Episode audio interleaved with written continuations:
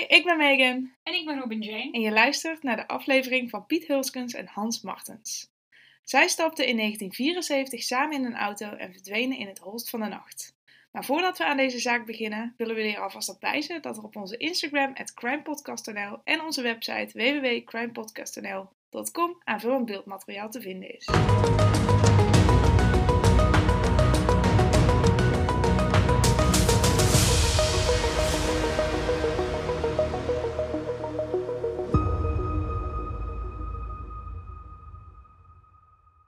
Vandaag gaan we het dus hebben over Piet Hulskens en Hans Martens. De twee vrienden verdwenen in 1974 nadat ze samen in een auto stapten.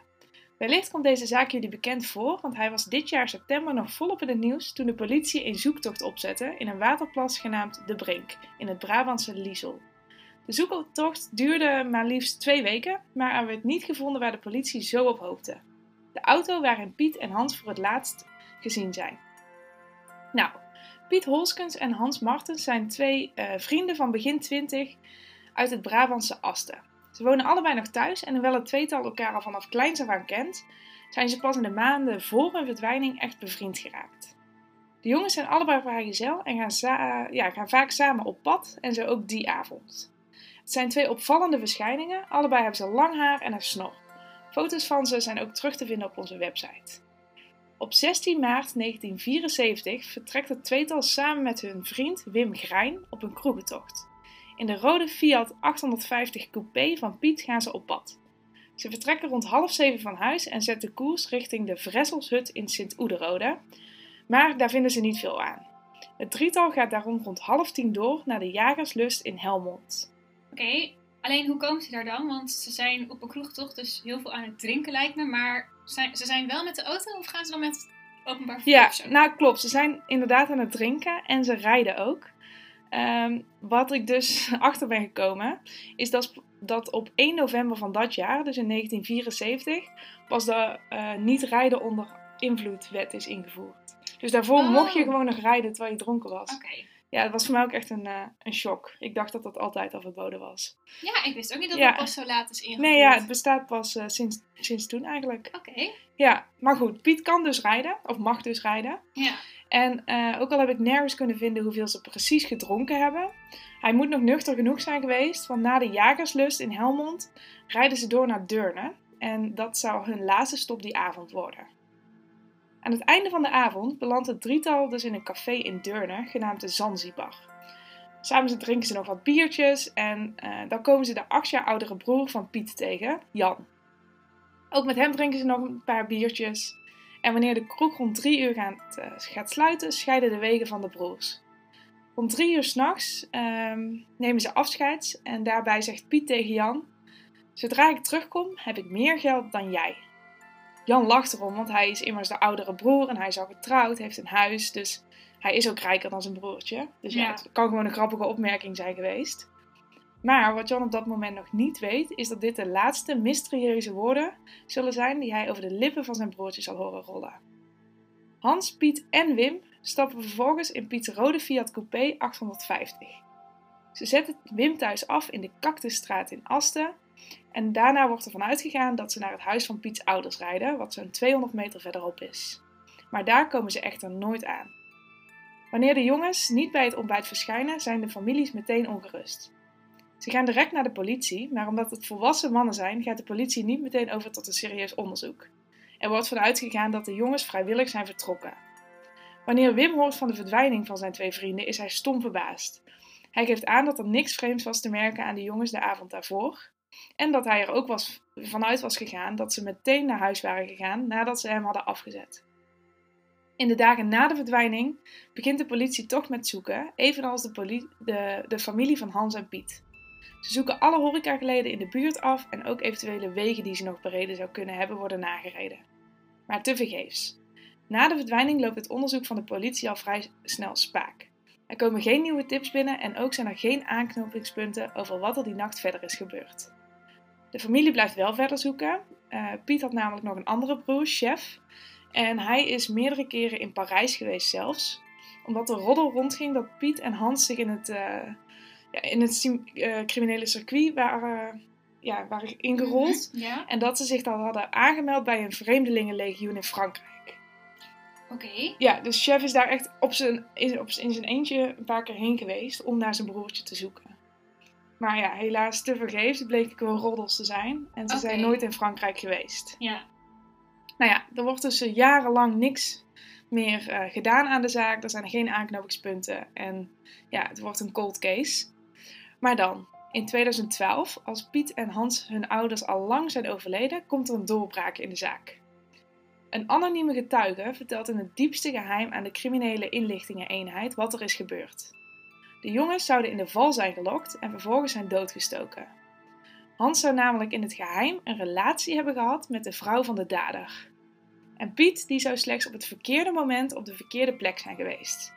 De jongens zouden na de steekpartij zijn begraven in Duitsland en de auto zou zijn gedumpt in de buurt. oké, maar je zei eh, in de val gelokt, maar hoe zijn ze dan in de val gelokt? Nou, weet je nog dat Piet tegen zijn broer zei van zodra ik terugkom heb ik meer geld dan jij? Ja, Nou, het vermoeden is nu dat ze tijdens de kroegentocht iemand tegen het lijf zijn gelopen die ze geld aan heeft geboden voor een drugsdeal.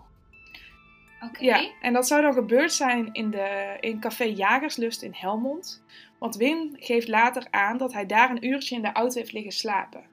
Dus dat is het enige moment die avond dat Piet en Hans ook samen met z'n tweeën zijn geweest. Ja, dat er niemand anders ook kon getuigen ja, ja. er in die tijd precies. Oké. En eerst werd gedacht dat, dat dit wellicht een echte drugsdeal was. Dat ze daarin zijn ja, meegegaan en dat ze toen de criminaliteit in zijn gerold. Dat is ook de reden dat chef naar Frankrijk is gegaan om daar te zoeken. Ja, Maar met de informatie van nu, met die tip uit 2012, is het vermoeden dat ze onder het mom van een drugsdeal naar een afgelegen plek zijn eh, gelokt.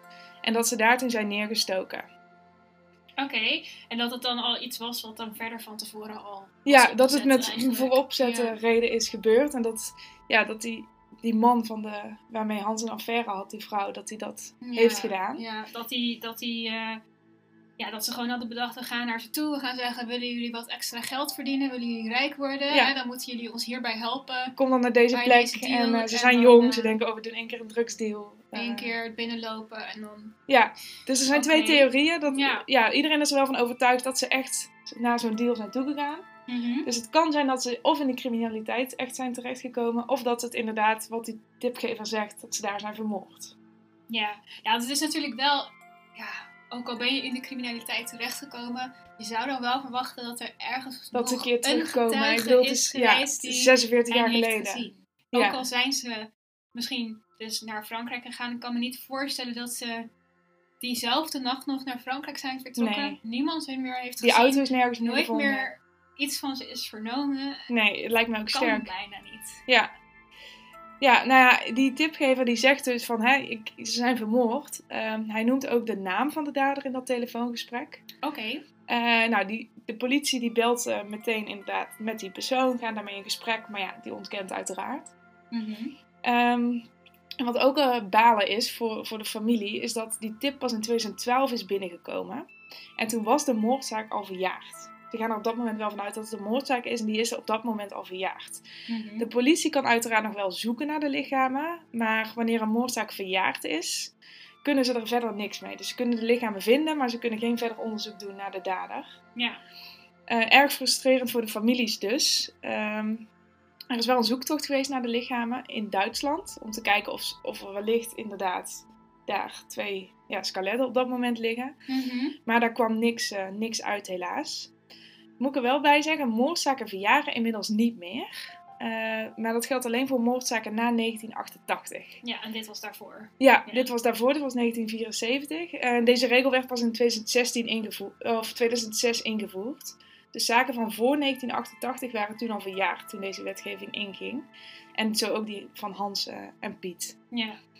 In 2017 hebben de nabestaanden van de jongens daarom een brief naar eh, Den Haag gestuurd met de vraag of er toch nog wat gedaan kan worden aan de verjaring van oude moordzaken. Oké, ehm, wat ik me nog afvroeg, hè, want ze gaan wel heel erg uit van een moord. Is er eigenlijk ook nog een, een mogelijkheid onderzocht dat dit misschien een ongeluk is geweest. Dat ze zoveel hadden gedronken. En ik weet niet langs wat voor wegen ze hebben gereden. Maar dat ze misschien in een meer zijn beland. Of gaan ze daar niet meer van uit omdat ze al heel veel hebben Nou ja, in het begin zijn ze overal van uitgegaan. Ook dat ze vrijwillig dus door die criminaliteit zijn weggegaan. Dat het een ongeluk is geweest. Maar omdat ze na zoveel jaren niet zijn gevonden. En ook op die wegen er niks is gevonden. Kijk, als het een ongeluk is, dan wordt je auto echt wel ergens gevonden. Ja, dat is waar. Eh, ja. Daarom gaan ze daar niet meer van uit. En zijn ze na al die jaren van uitgegaan dat het toch een moord is geweest. En Ja, daarom is hij Ook nu ook met die nieuwe tips natuurlijk. Ook met die Ja. nieuwe tips, ja. Ja. Oké, En daarom is hij nu dus eh, verjaard. ja. Nou ja, in 2017 is dus die brief naar Den Haag gestuurd. Er is er ook een stil protest gehouden voor de nabestaanden. En hebben ze een privédetective ingeschakeld. Oké. Eh, nou, die is op zoek gegaan. En zij kwam er al vrij snel achter dat die jongens helemaal niet naar Duitsland zijn gebracht. Maar dat ze eh, gedumpt zijn in dus die waterplas waar ik het in het begin over had. Ja, ja. Eh, de Brink eh, bij Liesel in de buurt. Waar ze ook naar die auto hebben gezocht. Ja, ja. ja. Nou, op basis van die nieuwe informatie ziet de politie dit ook als een logische plek. Want het is in de buurt bij die cafés. Ehm, ja, het zou kunnen. Ja. Dus in 2018 wordt er een zoektocht gestart. Maar dit levert helaas, helaas niks op. Eh, maar toch, dit jaar is er opnieuw door de politie gezocht in die plas. Want eh, met speciale apparatuur is er recentelijk namelijk vastgesteld dat er op twee plekken in de plas iets van metaal ligt. Meters onder het zand. En ja, het is natuurlijk al jaren geleden, dus het zou kunnen gaan om die Fiat Coupé 850 van Piet. Hm. Nou, vol hoop is de, is de politie daar in september van dit jaar dan ook gaan zoeken, maar helaas. Meer dan een metalen pijp werd er na twee weken zoeken niet gevonden. Jeetje zeg. En de familie van Hans en Piet tast dus na 46 jaar nog steeds volledig in het duister.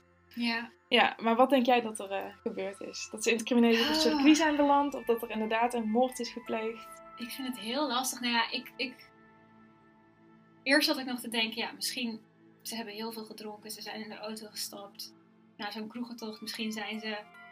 Hebben ze een auto-ongeluk gemaakt, beland in een meer en verdronken.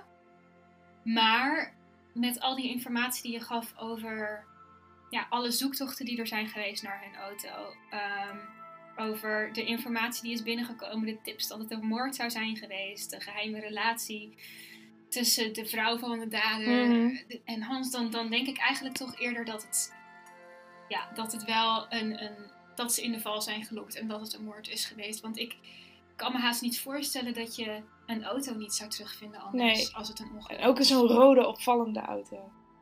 Ja, Het is, ja, het- en dan zou je toch echt wel dat, dat terug hebben gevonden in zo'n ja, meer, in zo'n meer. Ja, Want er, er zijn dan natuurlijk er waarschijnlijk ook maar één of twee plekken waar die dan te water zou kunnen zijn geraakt. Op route naar huis vanaf Precies. cafés.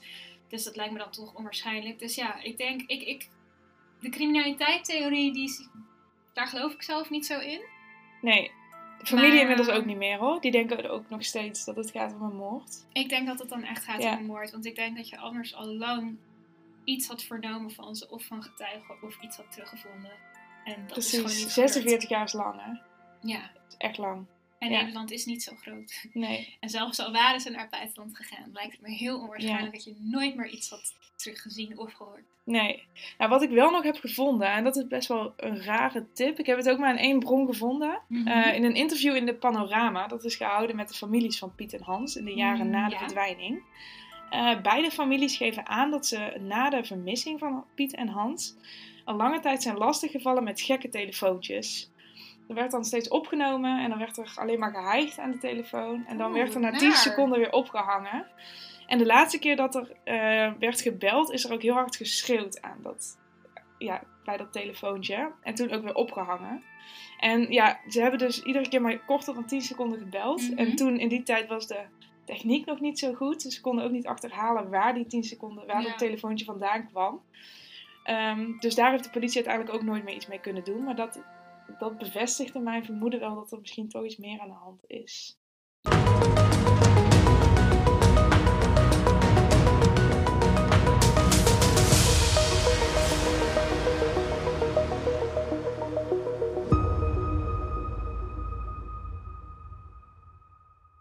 Bedankt voor het luisteren naar deze zaak. We zijn heel benieuwd wat jullie eh, theorie is, wat er gebeurd kan zijn met Hans en Piet. Mocht je nou een nieuwe theorie hebben of wil je erover praten, laat het ons dan even weten op Crime Podcast NL. En dan zien we jullie volgende week weer.